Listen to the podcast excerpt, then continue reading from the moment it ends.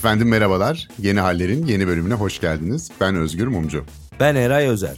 Bu bölümde atom çağının bir getirisi olan nükleer silahlardan bahsedeceğiz. E, günümüzde maalesef yeniden gündeme gelmiş olan bu konuyu beraberce inceleyelim dedik. Ve bunu incelerken kehanet gibi bir söze rastladım. Bill Clinton'ın savunma bakanı Les Aspin zamanında diyor ki Soğuk Savaş'ın sonrası nükleerin de sonrası anlamına gelmez. Yani Soğuk Savaş bitti diye nükleer tehdit ortadan kalkmamıştır diyor. Ancak Soğuk Savaş'tan sonra sanki nükleer tehdit kalkmışçasına çok çok da fazla gündemimize gelmediğini gördük. Fakat bugünlerde yeniden yavaş yavaş gündeme sızmaya hatta orada önemli bir rol almaya başladı. Biz de bu konuya bakalım dedik. Eray Bey yine amacını aşarak kendisi fen ilimlerinde bir hayli ilerledi. Uranyumdur, plütonyumdur anlatıp anlatıp duruyor bana birkaç gündür. Ben çok dinleyemedim. Umarım sizler dinlersiniz. O sebeple topu Eray Bey'e atıyorum. Eray Bey nedir bu nükleer silah? E, normal silahtan farkı ne? Atom nasıl bölünüyor? Bunları bize bir anlatır mısınız lütfen? Şimdi Özgür Beyciğim şöyle bir durum yok mu? Yani televizyona bu Rusya-Ukrayna arasındaki savaştan ötürü zaten onlarca yüzlerce bilirkişi çıkıyor biliyorsunuz sizde uzman. Aralarında konuşuyorlar şu kadar nükleer varmış vay be filan diye böyle böyle. Biri söylüyor biri şaşırıyor. Arada böyle telefondan Google'a bakanlar mı dersin ne dersin? E tabi şimdi böyle bir konuyu konuşacak olunca hep aklıma şöyle bir şey geliyor bir konuya girdiğimizde. Şimdi biz nükleer silah konuşacağız. Nükleer ne bilmiyoruz. Yani bilmiyoruz derken kafamızda bir takım bilgiler var. İşin içinde bir uranyum var falan ama mesela uranyum nedir yani uranyum? Yani böyle bir soru gayet doğal geliyor bana. Uranyum ne? Yani hayatımızda uranyum nerede var? Doğada bu böyle nasıl bitki halinde mi bulunuyor? Efendime söyleyeyim altın madeni gibi mi? Kumu mu karıştırıyorlar? Bunları merak ediyor insan böyle bir konuya girince. Şimdi şöyle uranyum zaten doğada çok kolay bulunan bir element değil. Nadir rastlanan bir element. Tek başına da bulunmuyor. Çeşitli taşlar var, başka elementler var. Onlarla beraber onlardan ayrıştırmak gerekiyor vesaire. Uranyumun da iki tipi var. İki izotopu var teknik tabirle söyleyeyim. Biri U238 denilen bir tip, biri de U235. Şimdi nükleer bir bomba veya nükleer bir reaktör yapmak için U235'e ihtiyacımız var belli miktarda. Niye? Çünkü U235 ancak o tepkimeye girdiğinde o enerjiyi açığa çıkarabilecek reaksiyonu gösteriyor. U238'de bu nadiren oluyor dolayısıyla her zaman enerji açığa çıkmıyor. U235'i de U238 ile yani diğer uranyum türünden ayrıştırmak gerekiyor. İşte bu uranyum zenginleştirmesi dedikleri ve işte İran'a filan uranyum zenginleştiriyor yaptırım uyguluyoruz dedikleri hikaye aslında bu. Yani U238 ile U235'i ayrıştırmak için yapılan işleme uranyum zenginleştirme işlemi deniyor. U235 çok nadir. 140 uranyum atomundan sadece bir tanesi bu çeşit. Dolayısıyla zaten az bulunan bir element onun içerisinde de binde yedilik kısmı ayrıştıracaksınız. U235 olanı yani 140'da bir binde yediye denk geliyor ve onu kullanacaksınız. Dolayısıyla bunu her ülke yapamıyor. Zaten Atom Enerji Ajansı da bunu denetliyor dünya çapında. Dolayısıyla U235'iniz olacak bir kere her şeyden önce. Bu çok önemli. Zenginleştirilmiş uranyumunuz olacak. Bir de basit aslında çok karmaşık değil bir işlem var. Bu işlemin adı da füzyon, fisyon neyse. Bu uranyum elementleri ağır elementler bunlar. Bu ağır elementlere bir nötronla vurduğunuzda bunlar ikiye bölünüyor. İkiye bölünürken de büyük miktarda enerji ortaya çıkartıyorlar. Yani bir atomdan iki atom elde etmiş oluyorsun. İki atomu elde ettikten sonra da iki tane de o atomlar dışında bir de nötron çıkıyor açığa. O nötronlar da gidip başka bir atoma vuruyorlar. Onlar da oradaki atomu ikiye bölüyorlar. Böyle 2, 4, 6, 8, 16, 32 diye gidiyor. İşte bu işlemin adı füzyon. Fisyon. İle yazıyorlar. Fission İngilizcesi. Bir de füzyon var. Onu anlatmayacağım iyice kafalar yanar ama füzyonun mantığı da şu. Burada nasıl atomu ikiye böldük? Daha hafif elementleri tam tersi birleştiriyoruz. Yani yeni bir element elde ediyoruz. İki atomu birleştirmiş oluyoruz. Bu füzyon. Bu henüz reaktör çapında, dünya çapında kullanılmıyor. Dolayısıyla onu geçiyorum ama füzyon yöntemiyle bir hidrojen bombası meselesi var ki orası çok karışık ama atom bombasından çok daha tehlikeli bir hidrojen bombası teknolojisi gelişiyor daha sonrasında. Zaten yasaklanması gereken silahlar, araçlar, bombalar arasında hidrojen bombası da yer alıyor. Çok tehlikeli, çok büyük enerji açığa çıkıyor. Tıpkı güneşteki patlama gibi bir patlama yaratıyorsunuz yani birebir de. Aynısını tekrar etmiş oluyorsunuz dünya üzerinde. Bu tehlikeli. Bu topa zaten hiç girmeyelim diyen çok fazla insan var. Bu füzyon işlemini yapabilmek için baştaki daha basit olan, daha kolay olan, bugün uygulanabilir olan işlemi yapabilmek için dünyadaki uranyumları ayrıştırıyorlar. Ya bomba yapıyorlar ya reaktör yapıyorlar. Reaktör yaptıklarında da ne oluyor? Aslında çaydanlık gibi düşünün. Orada uranyumları çarpıştıra çarpıştıra büyük bir ısı, enerji elde ediyorlar. O enerjiyle bir suyu ısıtıyorlar. Su buharlaşıyor ve türbinleri çeviriyor. Aslında elektrik hareket enerjisinden elektriğe dönüşüyor. Hareket enerjisini de elde etmek için buhar kullanıyorlar. Aslında reaktör olarak tek fonksiyonu oradaki devasa uzun süren sonu gelmeyen ısıyı elde edebilmek, enerjiyi elde edebilmek. Nükleer bu açıdan temizleniyor ama ortaya çıkan radyoaktif maddeler vesaire o ayrı bir tartışmanın konusu. Bu arada ben bunu anlattım ama yine de anlatırken hata yapmış olabilirim. Bu benim kendi okumalarım sonucunda elde ettiğim bilgi. Şimdiden bütün fizikçilerden, kimyacılardan özür diliyorum eğer bir terminolojik hata veya bir bilgi hatası yaptıysam. Çünkü çok karmaşık bir konu anlatmaya çalıştım. Kusura bakmasınlar.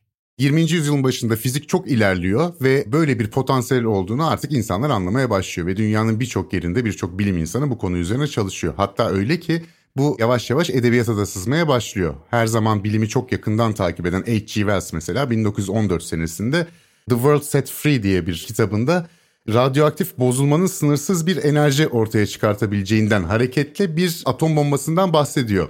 Ama o normal bombalarla aynı güçte bir bomba sadece şöyle düşünmüş H.G. Wells sürekli patlıyor.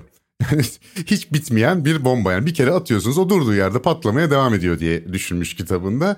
1944 senesinde Cleve Cartmill Deadline diye bir hikayesinde zincirleme reaksiyonla çalışan bir atom bombasından bahsediyor ve hemen kapısında FBI'yi buluyor. Çünkü Manhattan projesi o esnada zincirleme reaksiyonla atom bombası bulmak üzere hani birader hayrola sızıntı mı var bir yerden mi öğrendin ne oluyor ne bitiyor diyor. Hakikaten adam kendi kendine bulmuş bu arada kendisi de bir fizikçi değil. Sadece bu fizikteki gelişmeleri takip ederek 1944 senesinde çok yakın bir zamanda gerçekten kullanılacak olan bombanın ne şekilde çalışacağını bile bir hikayesinde yazmış.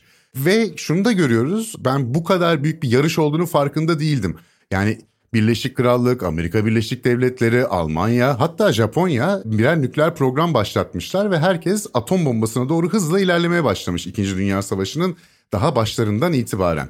Ve bu da şuna yol açmış. Yani böyle bir potansiyelin olduğu ortaya çıkınca özellikle işte Einstein'ın bir meşhur mektubu var değil mi Amerikan başkanına yazdığı. Orada şöyle bir durum var yani yandım Allah Naziler atom bombası yapıyor buna karşı bir şey yapmamız lazım. Biz de atom bombası yapalım, bir şey yapalım kardeşim diye bir mektup gönderiyor. Mektubunu da aslında tek başına göndermiyor. Bir Macar fizikçi daha sonra da Manhattan projesinde çok önemli bir rol oynayacak olan Leo Szilard'la beraber bu mektubu kaleme alıyorlar ve Ağustos 1939'da Naziler atom bombası yaptı yapacak aman siz de yapın mektubu gidiyor Amerika Birleşik Devletleri Başkanı Roosevelt'e ve bu mektup ciddiye alınıyor. Ve çok ciddiye alınıyor hakikaten. Özgür tabii oradaki süreçte de şöyle oluyor aslında. İlk etapta yani Manhattan projesi başladığında bile daha sonra gelecek büyük çalışmalara bakıldığında daha biraz zor görüyorlar. Savaşa yetişmez bu diyorlar. Yani Einstein Roosevelt'i dürtüyor dediğin gibi 39'da 41'e kadar aslında bir oyalanılıyor. Orada bir iki sene var kaybedilen. Einstein mektubunda diyor ki yani diyor Çekoslovakya'dan diyor uranyum çıkışı vardı. Şimdi bu uranyum çıkışı durdu diyor. E, demek ki diyor Hitler bu uranyumu biriktiriyor diyor. Yani satış yapmıyor artık dışarıya dünyaya Çekoslovakya diyor. Demek ki diyor bu uranyum birikiyor diyor. Bunu düşünürsek bu insanlar bununla ilgili çalışmaya başladılar kesin. Ona göre ne yapacaksak yapalım diyor. Ulusal Savunma Araştırmaları Komitesi'nin başkanı Vannevar Bush diye bir adam var. O da bir Bush. O adam Harvard'ın başkanı, Harvard Üniversitesi'nin başında bulunan James Conant'a diyor ki James abi diyor dünyada ne kadar diyor bu konuyu çalışan insan varsa bununla ilgili araştırmaları bir araya toplayalım diyor. 41'de işler böyle ufak ufak oluşmaya başlıyor. 41 yılında işte bunlar bir araya gelip dünyadaki farklı çalışmaları toplamaya başlıyorlar. Birazcık da zaten senin dediğin o hani herkes yapıyormuş dediğin aslında her yerde farklı çalışmalar var. Fakat Amerika bunları toplamaya başlayınca aynı zamanda başka ülkelerdeki bilim insanlarında şöyle bir şey oluşuyor. Ha bunlar bir işe giriştiler. Fakat ilk bütçeleri falan o kadar komik ki Manhattan'dayken. İlk bütçelerini okudum. Beraber ortak okuduğumuz bir kitap var. Onu daha sonra paylaşırız da bültende. 6 bin dolar. Neredeyse kalem kağıt almışlar yani. Hani ofis malzemesine gitmiş ilk bütçe gibi bir para. 6 bin dolarla Manhattan'da projeyi senin de dediğin gibi başlatıyorlar. Zaten onlardan önce İngiltere'de başlamış olan bir proje var. Daha sonra İngiltere, Kanada ve Amerika Birleşik Devletleri güçlerini birleştiriyorlar bu Manhattan projesini oluşturmak amacıyla. Almanya 1939'da başlamış çalışmalara bir hayli ilerlemiş ama nükleer reaktör bile yapacak aşamaya gelememiş savaş esnasında öyle gözüküyor. Japonya'daki araştırmalarda daha sonradan tabii 2. Dünya Savaşı bittikten sonra arşivlere erişince öğreniyoruz. Japonya'da 1940 senesinde atom bombası yakın zamanda gerçekleşemeyecek diye bir rapor hazırlanmış. İşin ucunu biraz bırakmışlar. Yani aslında Almanya'dan ya da Japonya'dan gelen e, ani bir tehdit olmadığı daha sonradan anlaşılıyor. Biraz ipuçlarını çözmüş olsalar bile. Fakat senin söylediğin Manhattan projesi ufak bir bütçeyle başlamış olsa bile daha sonradan müthiş bir projeye dönüşüyor. Yani Manhattan projesinde 65 bin kişi çalışmış. Amerika Birleşik Devletleri ve Kanada'da 30 ayrı yerde faaliyetler sürüyor ve büyük bir gizlilikle. Tasarım ve inşaat ise Los Alamos'ta, New Mexico'da Santa Fe yakınlarında bir yerde yapılıyor. Ana merkez orası. Araştırma, tasarım, inşa ve operasyon sadece iki buçuk sene sürüyor. Ve ilk başta o 6 bin dolar ayırdı dediğimiz projede baktığımız zaman bittiğinde bütün 2. Dünya Savaşı savaş harcamalarının %7'si Amerika Birleşik Devletleri'nin sadece Manhattan projesine harcanmış. Yani inanılmaz bir şeyden bahsediyoruz, bir miktardan bahsediyoruz. Ve çok kısa bir sürede bir şekilde başarıya ulaşmış bir proje. Yani dünyada bu kadar az zamanda bu kadar büyük bir projenin bu kadar çok insanla birlikte yapıldığı fazla örnek yoktur herhalde. Bir de Ay'a gidiş falan herhalde bu kadar çok büyük bir efor sarf edilmesine yol açmıştır gibi gözüküyor. 2 milyar dolar harcanmış toplamda. 2006 yılının bizim okuduğumuz kitaptaki dönem artık 2008'de falan yazılmış okuduğumuz kitap. de, 2006 yılının rakamlarıyla. Bir de o zamanın 2 milyar dolar yani onu da enflasyonla bilmem işte Şimdi onu söyleyecektim zaten. 2006 yılının parasıyla 23 milyar dolara denk geliyor. 23 milyar dolarlık bir proje. Paranın büyük bir kısmı yine söylüyorum zenginleştirilmiş uranyumu elde etmek için harcanıyor. Çok büyük bir kısmı. Neredeyse tamamına yakını.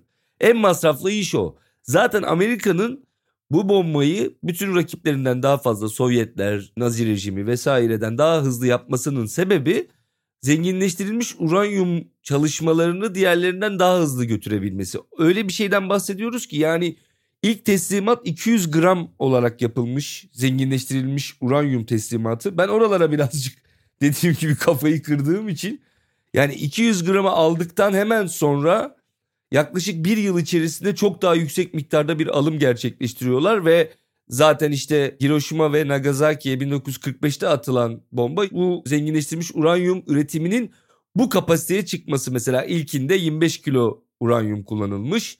Yani bu kapasiteye çıkabilecek başka bir ülke yok. Senin anlattıklarına bir not ekleyeyim. Evet yani orada Birleşik Krallık'la Kanada'nın Amerika'yı tabiri caizse birazcık böyle gaza getirmesi durumu da söz konusu. Durmadan yani yapalım abi bu işi yapmazsak çok büyük sıkıntı olur. Bir şekilde bu topa girmemiz lazım filan gibi bir hava var. O zaman şunu söylüyorlar. Şimdi nükleer silahın diğer silahlardan ayıran şöyle bir şey var. Sivil zayiatı hesaplayamıyorsun. Çünkü sadece büyük bir enerji ve büyük bir ateş, ısı vesaire bir patlamaya yol açmıyor. Aynı zamanda işte hep bildiğimiz radyoaktif bir kalıntı da bırakıyor ve uzun yıllar boyunca o topraklarda hayatın sürememesi gibi bir durum da söz konusu olabiliyor. E, tabii yani o bakımdan elbette nükleer silahların diğer silahlardan ciddi bir farkı var ve hiçbir şekilde silahlı çatışma hukukunun hiçbir kuralına uyamıyorsunuz. Çünkü silahlı çatışma hukukunun temel kuralı sivillerin öldürülmemesi, sadece askeri hedeflerin hedef alınması ve sadece askeri gereklilik sebebiyle orantılı bir saldırı yapılması vesaire. Şimdi nükleer silah kullandığınız zaman bütün bunlar zaten masadan kalkmış oluyor denklemden. Fakat İkinci Dünya Savaşı'nda da öyle sivil ayrımı, milli ayrımı pek kalmamış o yıllarda. Yani nükleer silah kullanılmayan durumda Japonya'da B-29'larla bombalanması sonucunda Japonya'nın 160 bin ton bomba zaten Japonya'ya atılmış 333 bin Japon asker ve sivilin öldürüldüğü düşünülüyor. Bu nükleer silah olmadan 2. Dünya Savaşı sırasında gerçekleşmiş oranlar. Almanya'da ise 635 bin Almanın çoğu sivil olmak üzere hava bombardımanı sonucu öldüğü biliniyor. Yani artık kimsenin pek umurunda değil sivil ölümü, sivil ölümü. Elbette çok çekinceler de var. Daha sonra onlara da geleceğiz bu silahın niteliğinden ötürü ama savaş çok vahşi bir şekilde ilerliyor zaten. Yani nükleer silah olmadan 635 bin Almanın hava bombardımanıyla öldürüldüğü bir savaştan bahsediyoruz. Artık pek kimsenin umurunda değil. Bir de şu var e, Japonya direniyor. Savaş bitmek üzere ve Amerika Birleşik Devletleri'nin şöyle bir kaygısı var. Yani şöyle bir hesap yapıyorlar. Japonya böyle direnmeye devam ederse ve biz Japonya'yı istila edersek kara ordusuyla beraber yaklaşık 1 milyon Amerikan askerinin öleceğini hesap ediyorlar.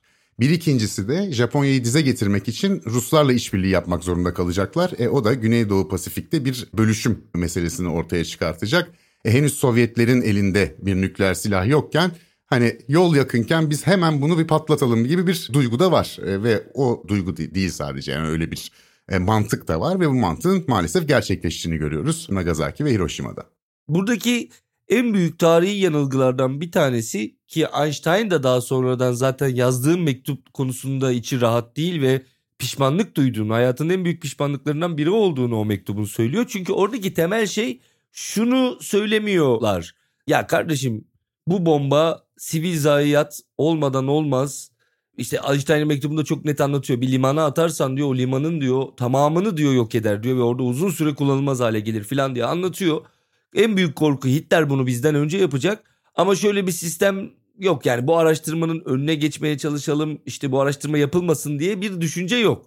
Zannediliyor ki oradaki en temel kırılma noktası zaten daha sonra bizzat dile de getiriliyor. Zannediliyor ki o bombayı Nagasaki ve Hiroşima'ya attıktan sonra bu iki yere attıktan sonra artık Sovyetlerin yani dünya üzerinde bir daha bu nükleerle uğraşmasının önüne geçebiliriz. Bunu durdururuz belli bir noktada ve sadece biz elimizde tutarak tırnak içerisinde dünya barışının devamını elimizde nükleer bombayla sağlarız. Hatta Sovyetler açısından bu durumun böyle olmadığı daha sonra bu nükleerle ilgili regülasyonlar hemen hızlıca yani atıyorlar 45'te ama 46'da hemen hızlıca şeye başlıyorlar. Nasıl engelleriz diğer insanların bombası olmasına? Yani aradan aylar geçiyor. 6 ay içinde falan Birleşmiş Milletler'de hemen atom enerjisi ajansını kuruyorlar falan çok geçmeden.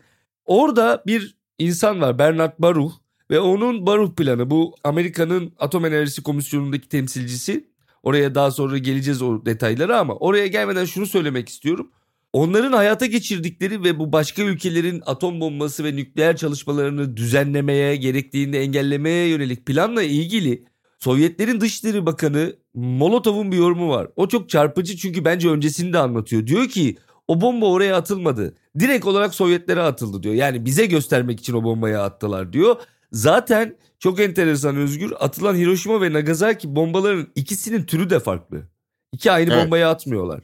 Tetikleme mekanizmaları ikisinde farklı. Yani şunu gösteriyorlar. Altısında silah tetikleme diyelim. Silah tipi tetikleme diye geçiyor. Gun design diye yani İngilizce silah tasarımı gibi olanı Hiroşima'ya atıyorlar.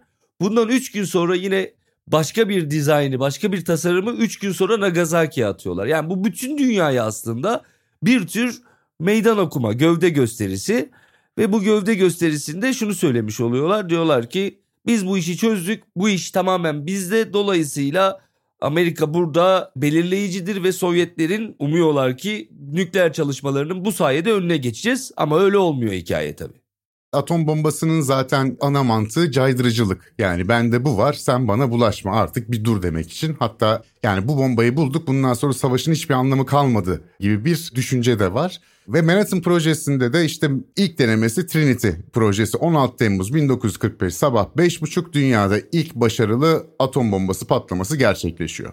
Ve bu sahne karşısında projenin başında olan teorik fizikçi Oppenheimer kutsal bir Hindu metnini hatırlıyor. Bu Havagat Gita adında ve onu okuyor patlamadan sonra. İşte dehşet bir görüntü. Meşhur mantar şeklindeki duman belli korumaların arkasında izliyorlar ve diyor ki işte artık ben ölüm oldum.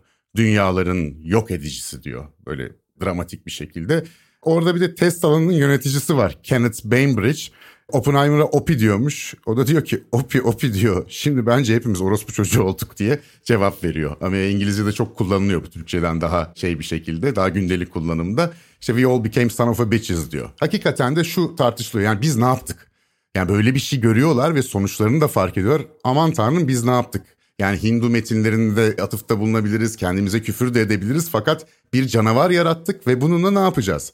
Bu Trinity projesinin başarıya ulaştığı Truman'a Potsdam görüşmelerinin sırasında haberi geliyor. O sırada işte 2. Dünya Savaşı'ndan sonra nasıl bir dünya kuracağız, aman ne olacak, ne bitecek denirken Truman bu haberi alıyor. İşte dönüyor Stalin'e diyor ki abi biz acayip bir bomba yaptık. Yani işi bitirdik diyor. Stalin daha evvelden haberdar olmuş. Çünkü içeride hem komünizm ideolojisine gönül vermiş bir takım kişilerden bir takım sızmalar var vesaire var. Yani Sovyetler istihbaratının kuvvetli olduğu bir dönemde olduğunu biliyoruz. O da diyor ki hayırlı olsun İnşallah güzel kullanırsınız vatana millete hayırlı olur falan diye böyle geçiştiriyor neredeyse. Çünkü farkında ve kendileri de o sırada bombayı yapmak için ellerinden geleni yapıyorlar. Ve daha sonradan 6 Ağustos 1945'te meşhur Hiroşima'ya bu bomba atılıyor. Fakat Hiroşima'ya bomba atılmadan evvel bombayı yaratan bilim insanlarında müthiş bir rahatsızlık var. Yani bunu böyle atmasak mı acaba sivil hedefin üzerine? Başka bir yöntem mi bulsak? Şunu öneriyorlar. Mesela gidelim Japonlara diyelim ki gelin şu adayı hep beraber izleyelim. Biz adaya atacağız bombayı. Bombanın çalıştığını görün. Teslim olun kardeşim şimdi üzerinize attırmayın bunu diyorlar. Ya da diyorlar ki ya bir şehir söyleyelim baştan o şehri boşaltın diyelim. Oraya atalım şehir üzerindeki etkisini görelim. Fakat bu kabul edilmiyor. Yani Truman o sırada Roosevelt ölmüş başkan yardımcısı Truman artık görevi almış. Şu şöyle düşünüyor şimdi biz bu yer gösteririz atarız çalışmaz bomba rezil oluruz bu Japonlar iyice gaza gelir rezil oluruz daha fazla savaş uzar. Başka bir şehir belirlesek oraya Amerikan savaş esirlerini koyabilirler. Onlar ölmek durumunda kalabilir. O da olmaz. O zaman hiç söylemeden biz bir takım şehirlere saldıralım. İşte 3-5 şehir belirleniyor bu arada. 5 şehir yanılmıyorsam. Onların arasında en son maalesef işte Hiroşima ile Nagasaki kalıyor. Ve Hiroşima'ya sabah 8.15'te 6 Ağustos 1945'te bu senin bahsettiğin iki bombadan daha az güçlü olanı aslında Little Boy atılıyor. Ve 350 bin nüfustan yaklaşık işte 140 bininin anında öldüğü, 100 bininin ağır yaralandığı müthiş bir patlama oluyor. Ardından 3 gün sonra 9 Ağustos 1945'te Nagasaki'de 253 bin nüfustan 24 binin hemen öldüğü bir patlama gerçekleşiyor. Nagasaki'nin topografik özellikleri sebebiyle biraz daha engebeliymiş anladığım kadarıyla ölüm sayısının o kadar artmadığı söyleniyor. Ve Truman Hiroşima'dan iki ay sonra Amerikan Kongresi'ne diyor ki uygarlığın umudu atom bombasının reddindedir. Yani biz bunu attık ama hani bundan sonra bunu yasaklayalım hep beraber bu işi çözelim arkadaşlar diyor. Tabii şöyle de bir durum var. Sen dedin ya Sovyetler Birliği ya bu bomba bize atıldı aslında Japonya atılmadı dedin. Doğru bir anlamda çünkü o sırada kıta Avrupa'sına baktığımız zaman her yerde Kızıl Ordu var. Doğu Avrupa'yı kurtarmış, Almanya'ya girmiş ve sayıca müthiş bir üstünlüğü var. Amerika Birleşik Devletleri'nin ya da müttefiklerin öyle bir kara ordusu yok Avrupa'da ve durumu ancak atom bombasıyla eşitliyorlar. Yani atom bombası olmasaydı 2. Dünya Savaşı'ndan sonra Avrupa coğrafyası çok daha farklı olabilirdi. Özellikle Batı Berlin'in ittifak içinde yani müttefiklerinin elinde kalma ihtimali bir hayli düşüktü. Zaten ilk gerginlikte orada çıkıyor 1948'de Berlin krizinde. Hatta Churchill diyor ki ya sallayalım diyor Moskova'ya, St. Petersburg'a birer atom bombası bunlar aklı başına gelsin. Burada fark etmişsindir sen de bu Churchill çok şahin bir adam yani. Patlatalım abi bombayı ne olacak? Evet Sürekli evet yani. tabii bombanın kendisi için de aynı şeyi yapıyor doğru söylüyorsun. Yani bomba yapım süreçlerinde de işte Churchill var ve bayağı dediğim gibi başta söylediğim bu gaza getirme işi fiştekleme derler ya bizde.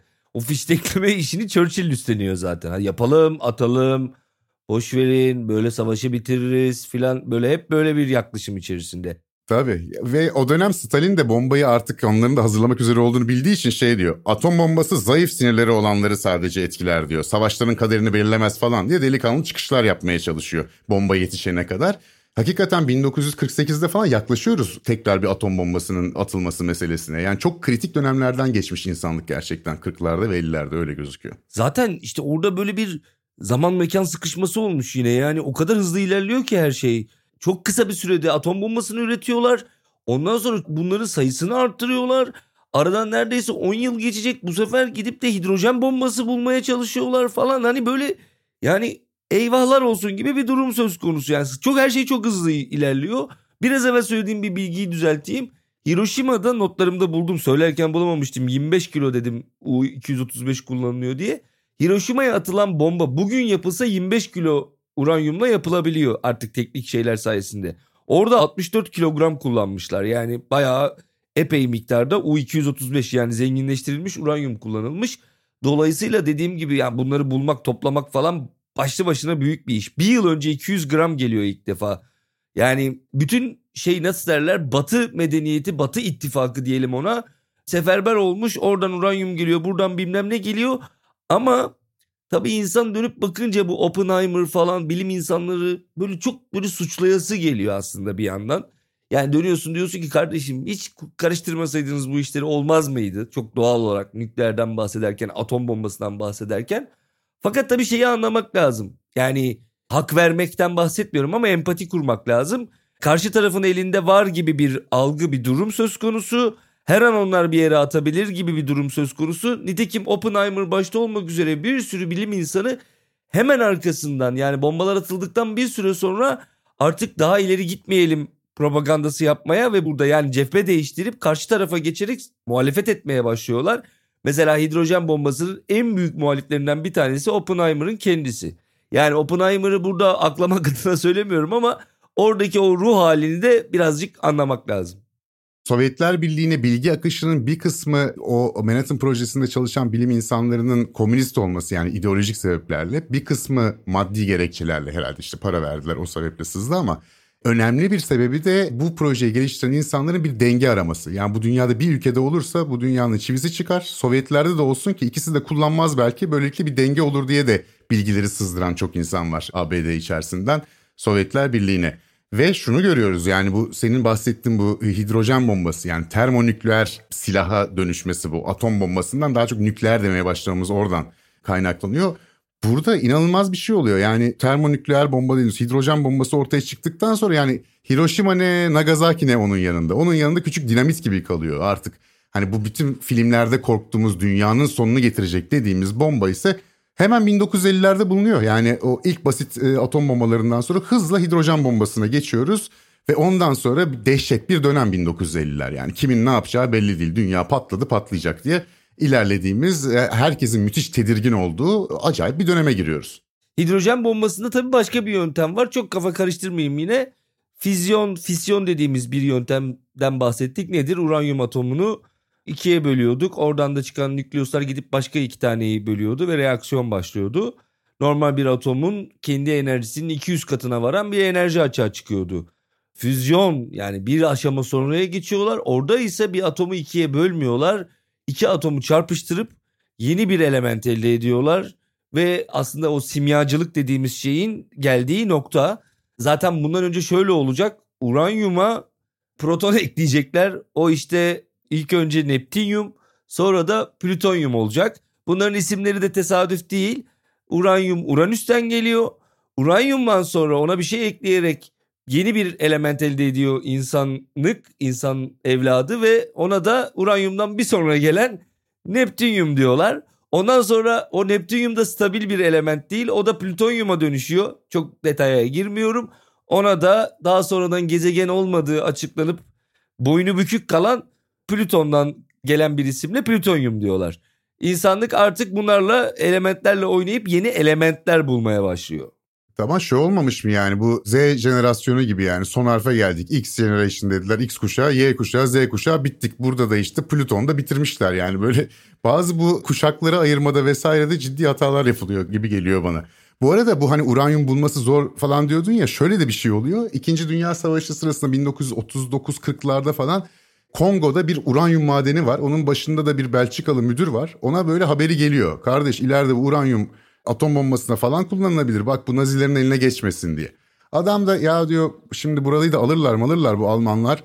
Fena gidiyor deyip kimselere de söylemeden Amerika Birleşik Devletleri'ne tonlarca uranyum taşıtıyor oradan. Ve daha sonra ABD'ye de geliyor. İşte Belçika vatandaşı bu kişiyi çağırıyorlar ABD'den. İşte sizin varmış diyor madenler falan. Hani nasıl yapacağız bu uranyumu? Diyor ki adam abi ben getirdim.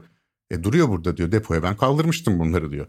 Akıllı hem satarım ticaret olur diye düşünmüş hem de Almanların eline geçmesin diye bir hayli bir de bu işte en çok kullanılabilecek en iyi uranyum neyse onları getirmiş. ABD'de bir depoda saklıyormuş Belçikalı. Bir yandan da böyle bir şansları Stokçu. da oluyor yani. Stokçu stokçu. Yani bu hidrojen bombasını buluyorlar bunlar. Kore Savaşı da var tabii. Kore Savaşı'nın hemen akabinde oluyor bunlar. Hani Kore Savaşı'nda kullanalım mı kullanmayalım mı hala Amerika Birleşik Devletleri'nde var ve Amerika Birleşik Devletleri silahlı kuvvetlerinde ya bunu çakalım bitirelim bu Kore Savaşı'nı diyen de çok. Churchillvari bir şekilde yaklaşan da. Çok var bu arada Şahinler ilk etapta. Ve işte 1952 senesinde Amerika Birleşik Devletleri ilk defa hidrojen bombasını kullanıyor.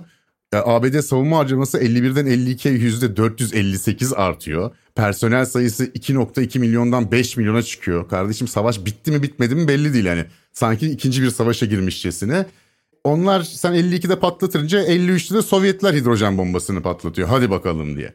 1954'te Amerika daha büyüğünü patlatıyor. Öyle bir patlatıyor ki patlattığı takım adasının 100 kilometre ötesindeki zavallı Japon balıkçılar etkileniyor ve oradaki 100 kilometre ötedeki bir Japon balıkçı teknede hayatını kaybediyor. Hidrojen bombasına ilk ölen insan da maalesef bir Japon vatandaşı.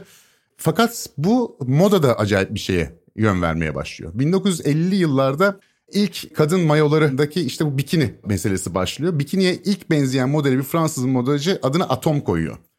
Fakat bir başka modacı 1954'teki bu hidrojen bombasının ilk denendiği takım adının adı Bikini takım adası. O da o sebeple o sen atom mu koydun ben de bikini koyuyorum diyor. Fakat bikini modelini yapan modacı göbek deliğini de açıkta bırakıyor. O atom modelinden daha çok tutuyor. Bugün hala işte bikini dememizin sebebi 1954'te ABD'nin hidrojen bombasını bikini takım adasında denemesi ve bir modacının rakibini atom dediği için bir başka kadın moyasına ona bikini adını vermesi. Bu da böyle bir bilgi olarak. Güzel bir hikaye. Ne işimize yarayacak ee... bilmiyorum ama bu bilgi ben yıllar önce bir yerde okumuştum sonra da teyit ettim. Neyse efendim sonra ne oluyor? Önüne gelen atom bombası yapmaya başlıyor. Bir İngiltere'den biraz saklamaya çalışıyor Amerika Manhattan projesindeki ilerlemesini ama pek işe yaramıyor. 52'de atomu yapıyor İngiltere, 57'de hidrojen bombasını.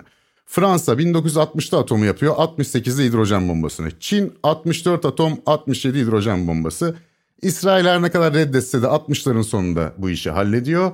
74'te Hindistan, işte daha sonra Pakistan, 98 Kuzey Kore, 2006 böyle böyle devam ediyor. Şimdilik 9 devlette nükleer silah olduğu yani nükleer kulüp denilen 9 devletlik durum böyle oluşuyor. Çoğu da 1950'ler ve 60'larda 70'lere gelene kadar bu belli başlı nükleer güçler oluşuyor. Ve baktığınız zaman Güvenlik Konseyi'nin 5 daimi üyesi de Çin'in 64'te atom bombasına kavuşmasıyla beraber hepsi birer nükleer güç haline geliyor. Yani hem Güvenlik Konseyi'nde veto hakları var hem de bir anlamda bir savaşı veto edebilecek ya da yaptıkları savaşın sonunu getirebilmelerini sağlayacak şekilde hepsi nükleer güç sahibi hale geliyor. Bu hidrojen bombası çok etkili filan dedik. Ben oturdum ona da baktım. Normalde Hiroşima'ya atılan gibi bir bomba 26 kilometre karelik bir alanı etkileyebiliyor. 26 kilometre kare ne anlama gelir hiç bilmeyiz. Böyle hayatımızda hep böyle bize anlatırlar haberlerde, gazetelerde filan da böyle rakamlar. Ben hep oldum olası uyuz olurdum buna Özgür Bey. O yüzden şöyle yaptım. Beyoğlu ile Beşiktaş'ı birleştirirseniz 26 kilometre kare yapıyor yüz ölçümü olarak. Ya ağzından yel alsın bu Beyoğlu'nun başına gelmeyen kalmadı ya. Bir de atom mu attıracaksın abi tepemize yani. Başka yerden örnek bul. Allah yazdıysa bozsun hiç öyle bir niyetim yok. Ben büyüklüğü anlayalım diye söylüyorum. Atılmaz ya böyle biz iyi, iyi düşünelim iyi olsun derler ya. Hani olmaz ya o duruyor öyle atılmaz onlar hiçbir yere bir daha. Öyle umut ediyoruz hidrojen bombasındaysa yine benzer ölçü büyüklükte bir hidrojen bombasındaysa 1553 1554 hatta diyelim buna kilometre kareyi etkilemesi söz konusu. 1554 kilometre kareyi de şöyle anlatabilirim size. Kilis 1412 kilometre kare. Oturdum tek tek yüz ölçümlerine baktım ki neye ifade ediyor diye anlayabilelim yani. Düşünce birliği sağlayalım. Yalova Abi 798 kilometre kare. Gerçekten çok iyi olmuş. Şimdi gözümüzde Kilis ve Yalova canlandırıp anlayacak mıyız abi? Yok. Türkiye'de şöyle yapılır bu yangınlarda da vardır. 30 futbol sahası büyüklüğünde denir ki bu iyi bir ölçektir. En azından bunu yazmakta fayda vardır yani yangın orman yangınlarının yaktığı alanı. Bomba olasılığı içinde yani nasıl bir illetle, musibetle muhatap olduğumuzu anlayabilmek açısından 1554 kilometre kare desem sen ne anlayacaksın? Ben hiçbir şey anlamıyorum 1554 kilometre kare ne kadar bir alan. Yok ben de yani bir dönümü falan İşte bu dönümle falan hesaplayayım dedim ama dönümde çok çok dönüm ettiği için öyle çıkamıyoruz işin içinden. Çünkü o zaman da diyeceğim ki sana atıyorum şimdi 1 milyon 600 bin dönüm falan gibi bir şey diyeceğim. O da bir şey ifade etmeyecek. Yani bu, gerçekten bir şehri hidrojen bombası ortadan kaldırma potansiyeline sahip. Dolayısıyla yani insanlık ne kadar acayip bir yaratık ki sonuna saklıyorum bu detaylarımı ama yani kendisini yani net bir şekilde yok edecek bir şeyi iki tarafta tamam kardeşim bu kavganın içerisinde bunları kenara çıkartalım. Bunlarsız oynayalım, bunlarsız dövüşelim demiyor yani. Zaten bu şuna da yol açıyor. Yani Soğuk Savaş'ın hiçbir zaman sıcak savaşa dönüşmemesinin yani Soğuk Savaş'ın ana aktörleri arasında sıcak savaşa dönüşmemesinin sebebi zaten nükleer silahlar. 1956 senesinden itibaren artık caydırıcılık çağı başlıyor. Yani misilleme korkusuyla nükleer hiçbir devlet nükleer silah kullanamıyor. Çünkü karşılığını alabilir ve Soğuk Savaş'ın yazılmamış iki kuralı var. Bir nükleer güç diğerine karşı konvansiyonel silahlı güç kullanamaz. Çünkü kafasına nükleer yiyebilir. Yani ABD Sovyetleri, Sovyetler ABD'ye saldırmıyor Soğuk Savaş boyunca doğrudan. İkinci kuralı ise bir nükleer güç nükleer olmayan bir güce karşı silahlı güç kullanabilir ama nükleer silah kullanamaz. Çünkü o zaman diğerinin müttefiki gelir o da nükleer silah kullanabilir. Mutually Assured Destruction da deniyor buna. Yani dehşet dengesi adı veriliyor. Öyle bir denge oluşuyor ki sen kullanırsan ben de kullanırım ve dünya yok olur. O zaman tamam biz bunları kullanmayalım. Taşeron savaşlarıyla yapalım. Yani senden yana olan bir devletle benden yana olan bir devlet gitsin orada burada savaşsın. Bütün soğuk savaşı da böyle götürüyoruz aslında. Yani Sovyetlerle ABD savaşmıyor. Sovyetler yanlısı bir devletle ABD yanlısı bir devlet orada burada kendi aralarında konvansiyonel metotlarla savaşıyorlar gibi bir durumla karşılaşıyoruz bütün soğuk savaş boyunca. Birçok kişi de soğuk savaşın e, hakikaten sıcağa dönüşmemesini nükleere borçlu olduğumuzu aslında nükleer silahların bir anlamda dünyaya soğuk savaş boyunca barış getirdiğini de ileri sürüyor. Tabii iki kere az kalsın patlatıyorlarmış işte Küba krizi Türkiye'nin de içinde olduğu falan. Bunlar çok uzun ayrı konu olduğu için girmiyorum ama bu işin böyle olmadığını da bir yandan görüyoruz. Bu arada yine o kadar işin içinde çakallık var ki mesela birbirlerini denetlemeye başlıyorlar 60'larla birlikte. Normalde 60'larda falan 65 bin küsür nükleer bomba var dünya üzerinde. Giderek azaltılıyor bunlar. Bazılarını tasfiye ediyorlar yani yavaş yavaş. Fakat yani orada da o kadar büyük çakallıklar söz konusu ki devletler arası Hinoğlu Hinlik yarışı gibi. Mesela örnek söylüyorum nükleer araç sayısını azaltmak. Yani o başlıkları taşıyan araçlarla birim olarak onu alıyorlar.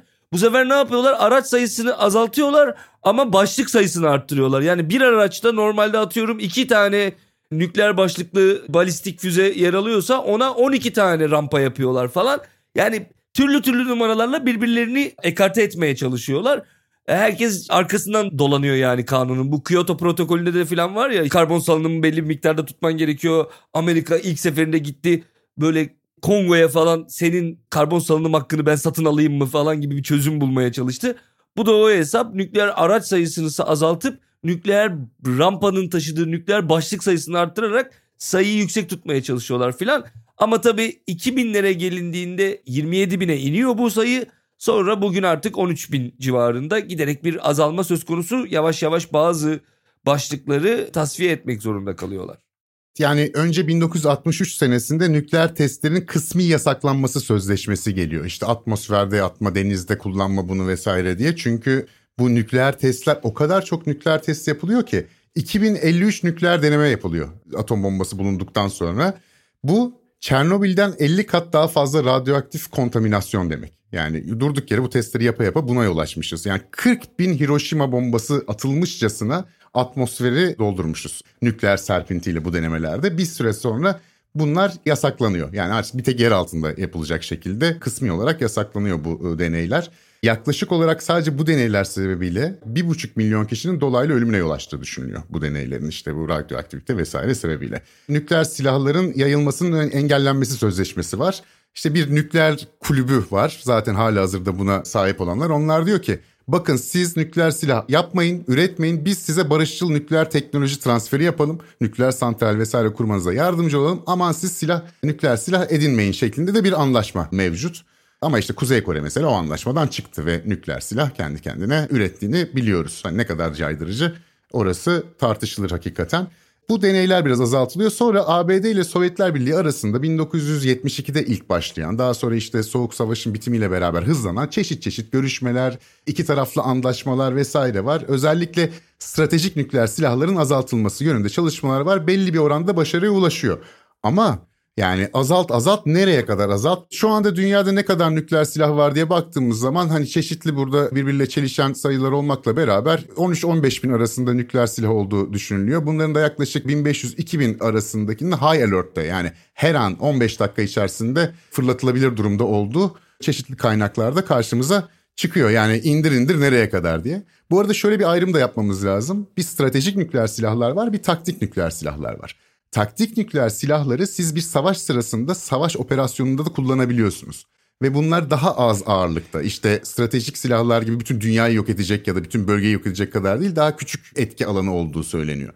Stratejik silahlar ise bu kıtalar arası saldırılarda vesairede kullanılanlar. Onlar çok daha işte bu hep bizim korktuğumuz işte patlayacak ve dünyanın sonu gelecek anlamındakiler işte bu stratejik olanlar.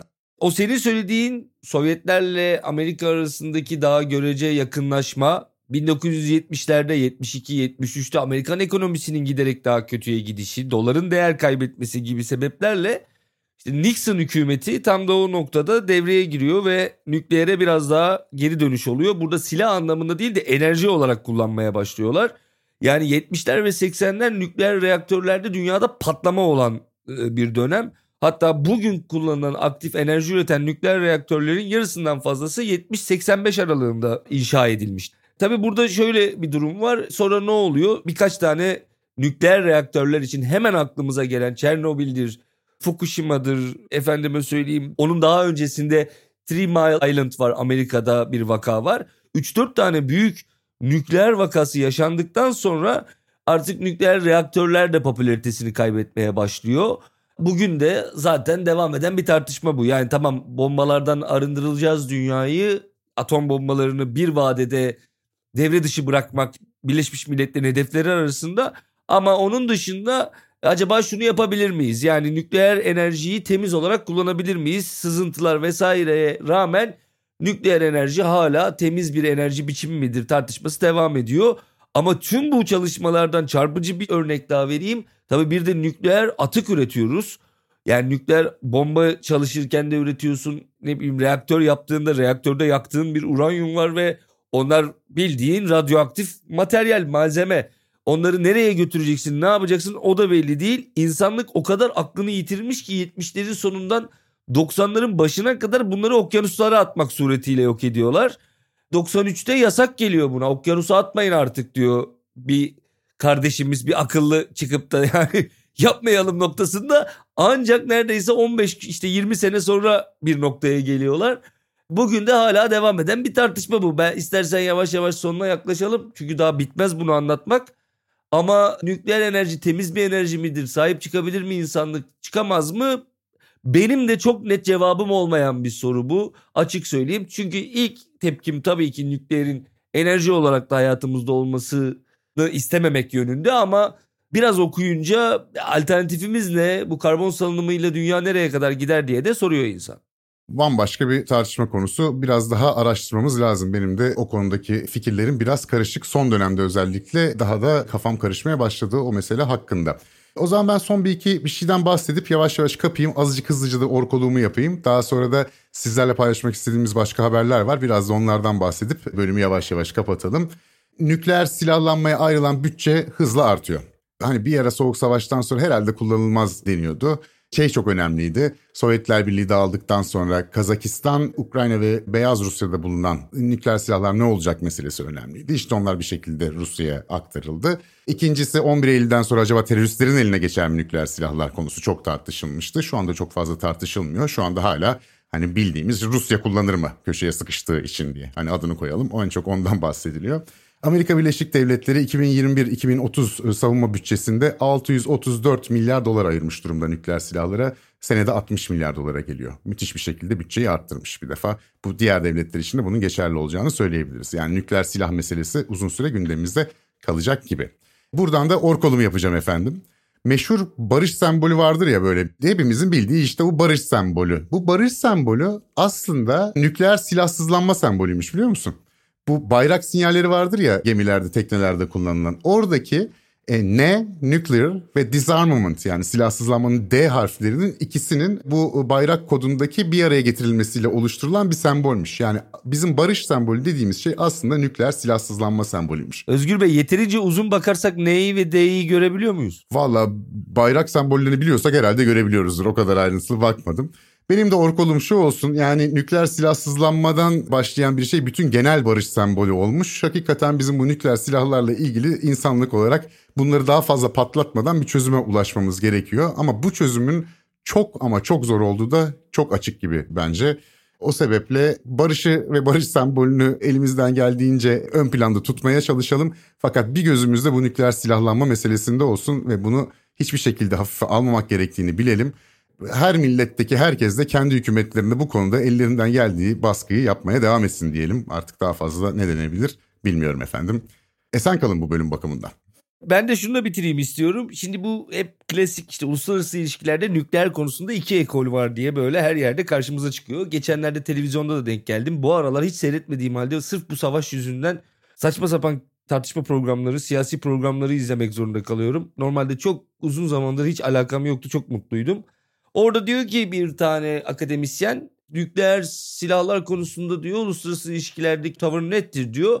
Orada varsa burada varsa nükleer silahlar diyor işte şeyi engeller savaşı engeller o atmasın diye sen savaşa girmezsin sen atmayasın diye o savaşa girmez. Programda da bahsettik değindik bir ekol bunu söylüyor.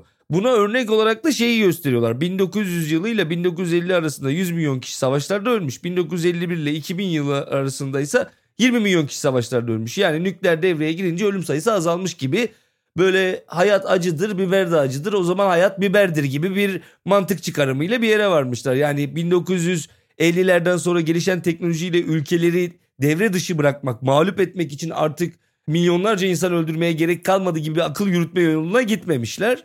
E, ve demişler ki iki tarafta da varsa bu bir denge getirir. Doğru bir denge getiriyor. Yani o, o net yani evet böyle bir denge var ama şöyle bir şeyden bahsediyoruz. Yani iki tane arkadaşız gibi düşünelim. Birbirimizle kavga ediyoruz. Arkadaş olmamıza da gerek yok. Hadi iki tane hasım olalım. Ve ikimizin elinde de bir tane silah var. Ne silah olduğu önemli değil. Öyle bir şey ki kavga ederken birbirimize sinirlenirken ikimizden birisi olur da kazara bunu ateşlerse ikimiz birden yok oluyoruz. Yok ikimizden bir tanesi elinden düşürür yandaki birisi alır o ateşlerse üçümüz birden yok oluyoruz. Böyle bir sistem var yani nükleer dediğimiz şey bu. Ve şunu demiyoruz ya arkadaşım ben senden nefret ediyorum sen de benden nefret ediyorsun okey ama şu silahları kenara koyalım yani yok edelim kıralım bunları. Sonra çünkü birimiz ateşleyecek en sonunda sinirle diğeri ölecek demiyoruz. Bunları ortadan kaldıralım demiyoruz. Diyoruz ki olsun silahlar dursun. Biz birbirimize ona rağmen bakalım kim nasıl kazara ateşleyecek de yok edecek ortalığı diyoruz. Çünkü hani bu işin başından sonuna doğru bakıldığında şeyi görüyorsun. Hani 5 tane ülkenin elindeydi sadece. O aradaki 4 ülke ki 4 ülke derken şöyle yani hani Fransa'da var, Almanya'da var, İtalya'da özendi değil. Pakistan her türlü siyasi istikrarsızlıkla anılabilecek coğrafyalardaki ülkelerden bahsediyoruz ki bunlarda da olmasına bu anlamda karşı çıkmıyorum. Yani karşı tarafta varsa tabii ki Pakistan'da da olur. Hindistan, İsrail, Kuzey Kore. Şimdi Kuzey Kore'de bir insanın yarın öbür gün bir dellenip bir yere transatlantik bir balistik bir füzeyle bir şey yollayıp yollamayacağını, nükleer füze yollayıp yollamayacağını bilmiyoruz. Çehov'un meşhur lafına geliyor iş. Yani duvarda bir silah varsa o silah o oyunun bir yerinde patlar. Aynı şey bence nükleer silahlar için de geçerli diyerek bu bölümü sonlandırıyoruz efendim. Şimdi çok kısa bir şekilde size bir kendimizden haberler vermek istedik. Özgür Bey buyurun. Efendim bu programı dinlerken belki fark etmişsinizdir. İlk başta böyle hoş bir sound logoyla WAND diye bir sesle başlıyoruz ve e, baktığınızda WAND Network yazıyor. Bu bir podcast ağı, podcast network'ü yeni hallerle başlamıştık. Ancak bir başka podcast programlarıyla beraber bir ağa doğru dönüşüyoruz ki birbirimizden de güç alalım ve beraber bir yayın birliği oluşturalım diye. Burada Ozan Bingöl, vergi uzmanı Doktor Ozan Bingöl ve deneyimli gazeteci Işın Eliçi'nin yaptığı yeni bir podcast programı başladı. Bir Halkın Vergiyle İmtihanı adı. Bu programda Türkiye'deki bütün bu vergi meselelerini e, gayet anlaşılabilir bir dilde bir vergi bilinci kazanmak açısından kısa hap şeklinde yeni kadar uzun olmayan bölümlerle bugünden itibaren herhalde dinleyebilirsiniz. Bir halkın vergiyle imtihanı diye aratmanız ya da Ozan Bingöl ya da Işın El için şeklinde aratmanız yeterli. Bunun dışında başka podcast programları da başladı. Eray istersen ondan da sen bahset. Evet bir de Evrim Sümer'in ebeveynlik halleri üzerine o hallerini ben ekledim hazırladığı bir podcast var. Orada konukları oluyor. Konuklarıyla çocuk yetiştirme. Bazen uzmanlar katılıyorlar. Bazen daha ebeveyn kimliğiyle tanıdığımız insanların konuk olduğunu görüyoruz. Evrim'de Laylu ve Ben adıyla zaten o ismi daha evvel şeyde de kullanmıştı. Radikal Gazetesi'ne yazdığı köşesinde de kullanmıştı yanlış hatırlamıyorsam. Bir podcast hazırlıyor. Evrim'inkisi bir süredir devam ediyor zaten hala hazırda. Konuklar almaya ve her hafta yeni bir bölüm eklemeye haftada bir, 10 günde bir yeni bir bölüm eklemeye devam ediyor Evrim. Bir de bir kitap bir film podcastimiz var. Eylül Görmüş ve Tuğçe Arslan Üçer yapıyorlar. Onlar daha evvel YouTube'da yapıyorlardı. Podcast olarak devam ediyorlar şimdi. Onlar okuduklarını ve izlediklerini konuşuyorlar. Kitapları ve filmleri konuşuyorlar. İsminden de anlayacağınız gibi bu podcast serisinde. Aynı zamanda da mesela geçen hafta İstanbul Film Festivali'ndeki filmler üzerine konuştukları bir bölüm eklediler. Festival öncesi herkese iyi gelebilir dinlemek diye düşünüyorum. Dolayısıyla bu şekilde 3 tane podcast serimiz var değil mi Özgür Bey? Evet toparlayacak olursak vergiyi Türk halkına sevdiren demeyeyim ama vergi bilinci kazandıran ve o özelliğiyle tanınan Doktor Ozan Bingöl'e deneyimli gazeteci Işın El için bize bu vergiler dünyasındaki labirentte nasıl yolumuzu bulacağımızı biraz anlattırıyor. Ozan da gayet güzel bunu anlatıyor. Bir halkın vergiyle imtihanı programı. Laylu ve ben programında bu yeni içinde bulunduğumuz dönemin yeni ebeveynlik hallerini anlatıyor. Gerçekten çok ilginç konuklarla ve benim de çok ilgiyle dinlediğim bir iki programı da oldu. Ve bir kitap bir film programıyla da haftalık olarak kültür sanat dünyasının fotoğrafını çekmeye çalışıyoruz. Bunun haricinde de başka podcast programları da ardı ardına gelmeye devam edecek. Umarım bu One Network'te sizlerin de dinlemekten hoşlanacağınız bir podcastler bütününe ulaşabiliriz diye ümit ediyoruz efendim. Diyerek bölümü artık resmi olarak kapatabiliriz. Efendim görüşmek üzere kalın sağlıcakla.